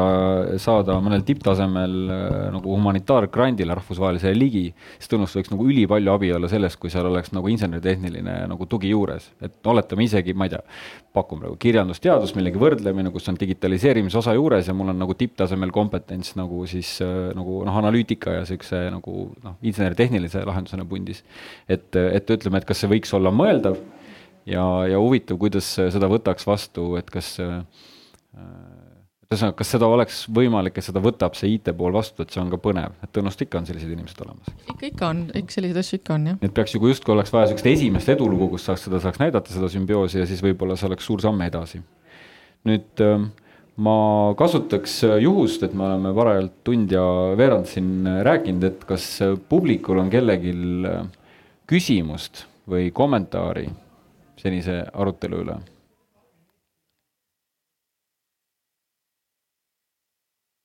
jah, kohe tuleb mikrofon. Ah, no väga kena, tähendab jahmatav on see, et Tehnikaülikoolis võib-olla ma sain valesti aru, on õppe ja teadustöö suhe, mis ta oli, üks kaheksale siis või kuidas see oli? see on, see on tegelikult jahmatav selles mõttes, et, et oli riike ja. ei, oot-oot-oot, ilmselt te saite selle, selles mõttes valesti aru, et, et et äh, minu, minu kommentaar puudutas seda, et kui on püütud hinnata seda, millist kasu ülikoolid, ülikoolide tegevus ühiskonnale äh, annab on püütud mõõta seda kasu ja, ja see kasu on, tuleb mitmest asjast, noh, ülikool õpetab mingid inimesed targemaks. Nad, nad oskavad teha targemat tööd ja, seeläbi nii-öelda noh, loovad suuremat väärtust ühiskonnas. ja, ja teistpidi ülikool, noh, ülikoolis olevad teadlased äh, tegelevad teadus-arendustegevuse projektidega, noh, teevad aitavad, loovad uut teadmist, aga, aga ettevõtete või organisatsioonide tellimusel lahendavad ka mingeid et, olulisi probleeme. ja, ja see ja kui nüüd püüame hinnata, et, et noh, mis, mis on nagu, mis proportsioonis need, need kasud nagu on, siis sealt tuleb välja, et, et läbi nende targemate inimeste luuakse kordades suuremat kasu kui konkreetsete teadus-arendustegevuslike projektidega. See oli see, see minu, minu äh, nii-öelda väide. Ja aitäh jah selgituse eest ja aga muidugi tegelikult ega ma, ma ei äh, ütleks seda kriitilises võtmes, sellepärast et, et äh, ülikooli esmane ülesanne ongi ja oleme ausad, vähemalt pooled õppejõud lihtsalt korjavad neid noh, mingisuguseid kirjanduse noh, peavad midagi avaldama, et äh, oleksid nagu mm, õppejõukõlbelised, aga tegelikult õppe osa tähtsust on kolossaalne, ta ju tegelikult annab kogu ühiskonnale äh, uue äh, taseme. tähendab tase, võtame siis lasteaia tase, põhikool, keskkool, ülikool, need on ikkagi täielikult noh arusaadavad tasemed, mida üks või teine ühel või teisel tasemel inimene on võimeline teostama. Aga teadus on muidugi äh, tegelikult midagi muud. teadus on,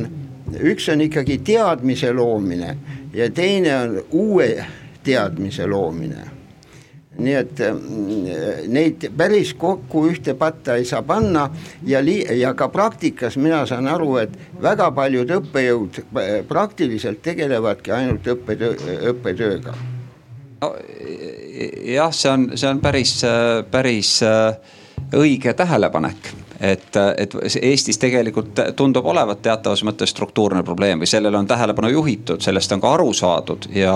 ja struktuurne probleem seisneb selles. ja ma meenutan siin peaministri esinemist riigikogu ees. peaminister regulaarselt annab üle siis teadus-arendustegevuse innovatsiooni olukorrast igal aastal üks kord riigikogu ees. Ja, ja tegelikult äh, noh refereeris äh, ta teadus-arendustegevuse innovatsioonistrateegia nii-öelda täitmist ja, ja tuleb välja, et, et üks asi, mis, milles me oleme väga head, on teadusartiklite avaldamine, see on kulbi ja kapaga täis. ja kõik teised asjad, mis teadus-arendustegevuse innovatsioonisüsteemi edenemist mõõdavad, ei ole nii hästi nii et, nii et selles mõttes on kriitika äh, täiesti, täiesti kohane, noh sellest, miks see nii on, selle üle võib ka veel eraldi arutada, aga, aga noh, see vist ei mahu tänase selle paneelarutelu formaati. aga, aga ma väidan, et sellest on ka aru saadud. Mingid nihked on toimumas aitäh ja, aga ma teeks veel teise märkuse, mis on, et, et minu meelest see küsimuse püstitus ei ole päris õige. Eh, siin samal ajal te vastasite ka sellele, tähendab, ega praegusel ajal kuidagi lahutada tehnilist ja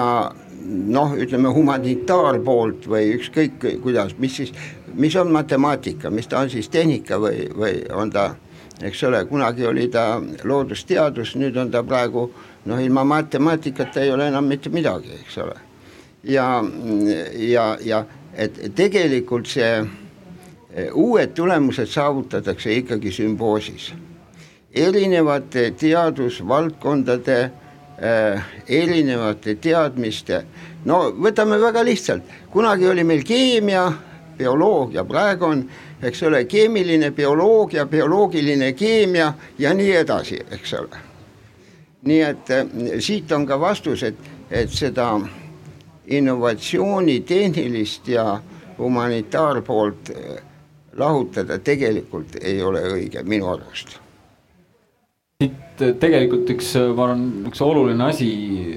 veel välja tuua, et, et me peame tõenäoliselt vaatama ikkagi eraldi, et kui me räägime humanitaariast, eks ju, et nagu siis see on nagu täiesti eraldiseisev asi humanitaar, humanitaarteadustega tegelevatest organisatsioonidest ja täiesti eraldi teema on siis see humanitaar, kui see, see pühendunud, süvenenud oskaja, eks ju, jah. ja nüüd on küsimus, kui palju suudab äh, siis need loodud institutsioonid, mis tihtilugu on riiklikud, jah, ja või mingi kitsamate funktsioonidega siis toetada seda individuaalse nagu talendi kujunemist, jah ja, ja sama tõenäoliselt on selle äh, inseneri valdkonnaga, et me võime noh, ütleme ongi, et sul on kümme tuhat inimest selleks jah. et siis tegelikult me ju töötame selle nimel, et selle õppe käigus tekiksid need üksikud talendid, kes siis enda ümber koondavad töögrupid ja ideaalis siis veel äh, noh, siuksed siis äh, valdkondade ülesed töögrupid, kus tuleb, siis tekiks siis see innovatsioon ja, ja, ja ideaalis siis äh, sealt organisatsiooni tasandilt ka siis see teadmussiire, aga. kuulge ma..., ega, ega igast usuteaduse üliõpilast ei saa piiskopi, et samamoodi ei saa ka igast, igast, igast ülikooli inseneriks õppinud inimesest noh, siis, siis no oma, oma valdkonna nii-öelda tippu, et tipp ongi sellepärast tipp, et ta on kitsas ja, ja muidugi see pürgimus, pürgimus, pürgimus selles suunas on, seda tuleb toetada, aga, aga noh, meil kipub nagu levima selline arusaamine, et, et kõigil on võrdne, võrdne õigus. et hea, kui on see võrdne võimalus, aga, aga noh, seegi on, oleks silmakirjalik väita, et, et kõigil on võrdne võimalus, et, et ma juhtusin siin paar päeva tagasi lugema ühte, ühte, ühte kaasaja filosoofi Äh, Brecht, Saksamaal üsna loetud, tuntud mees. Äh, eesti keelde on teda ka tõlgitud ja noh, ta väga ilusti juhib tähelepanu sellele, et, et ei ole mõtet kõnelda võrdsetest võimalustest, kui, kui, kui Saksamaa suguses riigis igal aastal äh, päritakse kolmkümmend miljardit eurot päritakse kolmkümmend miljardit eurot, ma ei tea, kui palju Eestis päritakse ja kui palju Ameerika Ühendriikides päritakse. aga, aga noh, see, see korraks see, see mõte, kui me sellest, kui, kui Indrek siin nimetas filantroopiat ja, ja ütleme siis seda, seda ütleme, kui, kui seni kasutamata võimalus, siis ma ütleks, siin on ikkagi mingisugused objektiivsed nii-öelda nii-öelda asjaolud ka, mis mõnes riigis võib-olla seda filantro filantroopiast saadud, saadud noh, ütleme tulu Äh, noh, ütleme, et toetavad, et see lihtsalt keskkond on selline, kapitali akumulatsioon mõnes, mõnes riigis on, on saanud äh, toimida äh, ma ei tea, sada viiskümmend aastat, teises riigis, eks ole, noh kui mitu aastat? nüüd tuleme väga intrigeerivale, üks vaherepliik lihtsalt, huvitav asi, mida mõõdetakse, on see, et kui palju ütleme megarikkad ehk siis nimetada miljardärid annetavad oma alma mater'ile viitamata nüüd ütleme viimase Eesti uudistes olnud ütleme IPO-d ehk kas siis nagu öeldakse näiteks Wise'i, Wise'i nagu öeldakse nagu asutajad nagu ütleme annetavad järgmise kolme aasta jooksul või mitte, see on tegelikult tõehetk. no jah, intrigeeriv, aga kes tänast Postimeest luges, nägis, et, et Kanada-Eesti maja öö, uue, uue hoone ehituseks oli lisaks vana, vana müügist saadud tulule soov korjata kümme miljonit dollarit ja Kanada väliseesti kogukonnas leidus neli inimest, kes lahkesti olid valmis miljoni dollariga toetama. et, et ma väidan, et kui, et, et noh, keskkonnal, keskkonnal on oma, oma tähtsus. me võtame nüüd moderaatorilt kohe, kohe puldi ära, aga ma ei saa seda olla ütlemata, et, et üks asi, mida tasub võrrelda, on see, et palju annetatakse spordile, kultuurile ja teadusele ja mul ei ole teile esitada ka täpseid graafikuid, aga ma võin teile öelda, et Eestis tegelikult nagu annetatakse teadusele oluliselt vähem mis tahes proportsioonides, spordile, kultuurile rohkem, et ma ei ole kade, aga lihtsalt nagu öeldakse, see on mõtlemise koht. et see toodud pärimise summa mõõdikuna on põnev, aga tegelikult ütleme, kui ma mõtlen, mida ta võiks peegeldada laiemalt peale siis akumuleerunud jõukuse, on tegelikult ka siis akumuleerunud nagu kultuuripärandi. sest see tähendab seda, et on oskus äh, varasid säilitada, arendada ja hoida ja edasi kanda. et see on võib-olla see koht ka, kus me ütleme, peame peeglisse vaatama, et noor riik ja terve hulk asju on veel nagu pillapalla laiali ja, ja võib-olla on mõnda asja on äh, võimalik ka Saksamaalt õppida, võib-olla mõnda asja on lihtsam Soomest õppida et, et kui me nüüd võtame nüüd oma juttu siin kokku ja, ja, ja kui me nüüd küsimegi seda küsimust, et,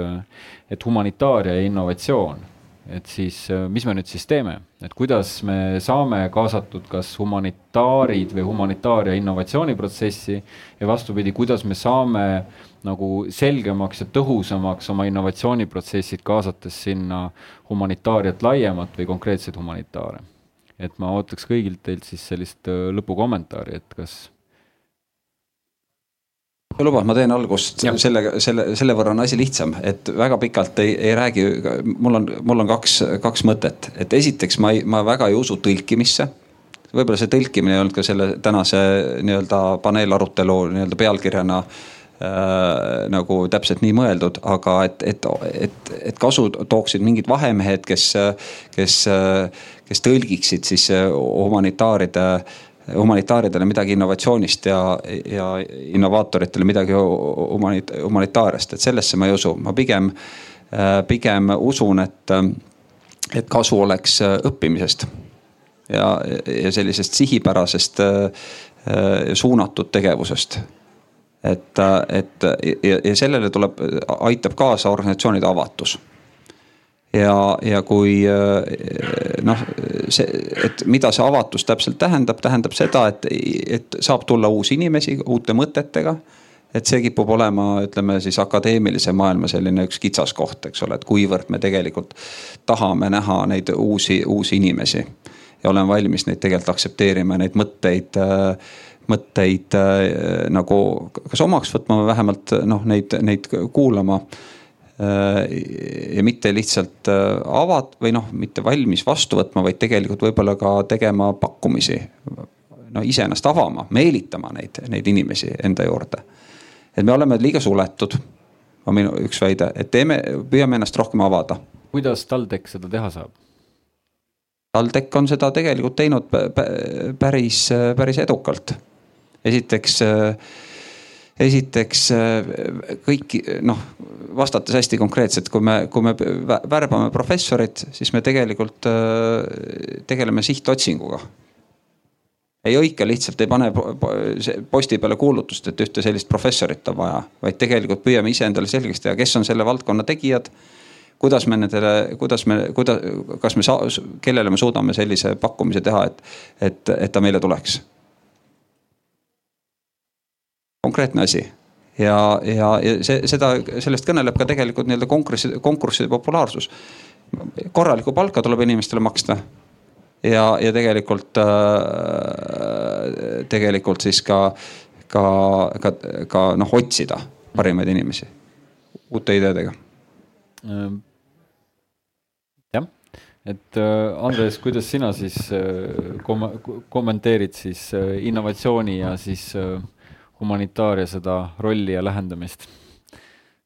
jah, ma olen äh, Hindrekuga täiesti nõus selle tõlkimise koha pealt, et minu arust ka, et kui me hakkame ikkagi humanitaariat konkreetselt tõlkima, näiteks ma ei tea, noh, siis noh, konkreetselt näiteks innovatsiooniks, siin me jõuame ka asjadeni näiteks nagu on efektiivne altruism, mis on noh, minu no,, minu jaoks noh, filosoofiliselt täiesti vastuvõetamatu, eks, mingisugused utilitaristlikud käsitlused selleks, et majandussüsteem võiks toimida, eks äh,. aga äh, äh, noh ma ei tea, mul on kõige nagu alati, kui tudeng kirjutab esseed, siis äh, alati äh, asi, mis saad öelda, alati vist nagu õppejõu juurest läbi läheb, on see, et harime inimesi, viime nagu, räägime inimestele nendest probleemidest, mis meil on. teeme tead, teadlikuks nad sellest, et me peame aru saama, et kui me loome mingisuguse tehnoloogia, siis humanitaar on see, kes seletab selle lahti, mida see ikkagi tähendab või miks me sellise tehnoloogia ikkagi oleme löönud ja mit-, nii. kas äh, sina oled valmis looma TalTechi juurde insenerieetika sõprade klubi? Äh, mis võtab sealt kümnest tuhandest kokku kõik viiskümmend huvitunut ja, ja, ja igakuiselt võtab ja loeb ja õpib koos? Äh, kui ma elaksin Tallinnas, siis äh, hea meelega. ei nagu lubadus aga tuum aitab ka. jah äh,, täpselt, aga ähm, mis ma tahtsin veel öelda ähm,? vot, mul läks nüüd meelest mõte katki läks, aga Äh, äkki tuleb meelde veel, ma annan korra sõna ja. edasi, mul oli äh, mingid asjad veel, ma tahtsin rääkida, aga. nii et äh, Aija, aga sinu poolt siis, et kui me nüüd mõtleme, et siis humanitaarias innovatsiooni mõistet sisse tuua või siis humanitaaride oskuste, teadmiste kaasamine innovatsiooniprotsessidesse, et siis sinu kommentaarid. jah, et ma pigem arvan ka, et, et siin et päris vahemehi just võib-olla selles mõttes vaja ei ole, aga et, et see teadusarendus äh, nii-öelda peab olema seal vahel hea, eks ju, et, et need inimesed, kes, kes seda noh, ülikooli sees näiteks äh, suudavad äh, hallata vast mõlemas suunas infot. aga, aga jah, et mina võtan siit kaasa küll sellise nagu, et vajaduse selle järele, et noh, ütleme siis insenerid ja kirjandusteadlased äh, piltlikult praegu siin äh, saaksid, äh, et oleks neid ruume, kus nad saavad koos nagu ikkagi midagi teha, eks. et see on võib-olla üks, üks selline nagu oluline ja selles suunas ka, ka rohkem rääkida näiteks TalTechi inimestega, et, et, et võtke meid ikkagi ka punti. ja jah, ja teistpidi just nimelt see teadmine, et, et küsimus ei ole selles nii-öelda konkreetses tootes või, või müümises, vaid, vaid et see, see, see majanduslik mõju on nagu üks väike, üks osa, et, et see uu, uuel moel asjade nägemine on palju avaram kui, kui, kui see. ma palungi Indrekul siis meie pooleteisttunnine vestlus kokku võtta, et mis me nüüd siis teeme, et kuidas me toome innovatsiooni humanitaariasse ja teeme selle nagu loomulikuks osaks ja vastupidi, et kas meil on äh, siis äh, teistpidi lootust? ja kas ma selleks olen valmis, aga ma võiks oma kokkuvõtvad mõtted esitada nii, et ma kutsun üles humanitaarteadlasi märkama, et järjest suurem osa globaalsest innovatsioonist sisaldab väga suurt humanitaarteaduste nagu komponenti. teisena ma kutsun nagu humanitaarteadlased küsima enda käest et mis probleeme, mis võimalusi, mida ma suudan lahendada või osaleda lahendamises. teiste sõnadega, kuidas oma, nagu öeldakse, mõttemudeleid, inimeste oskust, inimestest tundmise oskust, kõike seda nagu öeldakse nagu rakendada ja leidma selle enda jaoks küsimusi, mida sa tahad tegelikult adresseerida. tulema tegelikult natukene võib-olla nagu sellisest noh, akadeemilise kapi tagant välja, mitte ainult rääkima sellest omast võib-olla nagu ütleme spetsiifilisest tehnilisest oskusest, mis on siis humanitaarteaduslik aga, aga vaatama nagu maailmas ringi ja leidma neid, kelle jaoks nende probleemide lahendamine on sama oluline. Et selles mõttes nagu öeldakse, nagu aktiivsem suhtlemine on, on nende võimaluste leidmise esimene samm et, et ma arvan, et, et humanitaarteadusel ja innovatsioonil on nagu noh, siin eelnevalt juba mitu korda kõlanud, noh, need on niivõrd läbi põimunud. ma arvan, et me ei märka neid sidususi ja see, mis puudutab, ütleme nooremat põlvkonda, üliõpilasi, võib-olla isegi kuni kuhugi postdoc'ini välja et nad vajavad natuke ka öeldakse strukturuus, struktuurset abi. et ülikoolid võivad nagu mõelda, et mis, millisel viisil neid asju nagu korraldada, et kuidas aidata neid noori inimesi leidma neid, nagu öeldakse, kooslusi, kogukondi ja teemasid aga nagu öeldakse, omast akadeemilisest distsipliinist välja nii lokaalsete kui ka globaalsete probleemide lahendamiseni. kas sa võin öelda? Okei okay. okei okay, ma teen ka siis ühe pakkumise konkreetse, mida me võime teha. ma ei tea, vaatame, mis juhtub. näiteks ma ei tea, asendame gümnaasiumi programmi Eestis uh, filosoofia bakalaureuseprogrammiga ja mõtlen seda päris tõsiselt. kui me tegeleme filosoofiaga, siis me võime rääkida teadusfilosoofiast, me võime rääkida uh, konkreetsest kirjandusteooriast, me võime rääkida uh, poliitikateooriast. filosoofias on noh, võib rääkida matemaatika asendab siis predikaat ja modaalloogika, mis on noh, ongi tänapäeva analüütilise filosoofia kesksed teemad teemad, eks. keeled ja ma noh, kas see tooks kaasa mingisuguse muutuse, lihtsalt noh, ad hoc selline mõte äh, õhku visata. aga, aga mul on tunne nagu äh,, et noh, ikkagi see küsimus jääb, et miks me tahame siis humanitaariat ja, ja humanitaariat ja innovatsiooni nagu ühendada. et kas on see küsimus, et, et kas, et humanitaaridel ei ole raha ja et meil ei ole võimalik nende projekte, asju rahastada, mida nad tahavad ellu viia. ja noh siin ja sel, kui see on see küsimus, siis noh, siin on ju või ma ei tea noore inimesena võiks lihtsalt öelda, et äh, globaalsele ühele protsendile üheprotsendine varamaks ja vaatame, mis, kuidas meil lihtsalt selline. et, et, et mis siis saab ja noh, või, või kasvõi noh, minu arust nagu jälle suurepärane näide oli enne, keegi tõi sellesama äh, Äh, päranduste kohta, eks noh. et, et just nimelt lahendada ja jagada laiali sedasama akumuleerunud vara, nagu kui me tahame seda finantsküsimust ära lahendada. väga karm. aga see on nagu, ma, ma, ma, ma, see ei olnud nagu, see ei olnud, see ei ole nüüd konkreetne või ma ei kaitse Marxi või midagi sellist, aga, aga ma arvan, et meil on vaja konkreetseid nagu noh äh,. ma annan sulle vastu isikliku soovituse no., tähendab mõtlemiseks tegelikult väga palju ressursse vaja ei ole, aga mõtlemise tõhustamiseks aitab väga hästi füüsiline töö nii et, äh, et, et ühesõnaga neid mõtteid on ja võimalusi siduda ja teha on lõputult, aga ma siis äh, austades meie kuulajate kõigi aega, siis ma tänan äh, teid, kes te sõna võtsite, ma tänan teid kõiki kaasa mõtlemast, kes siin kohal olid. et kindlasti me võime veel siis eetri ja mikrofoni väliselt veel natuke edasi jutustada, kui kellelgi on veel küsimusi või tähelepanekuid, nii et aitäh. selge see, et ega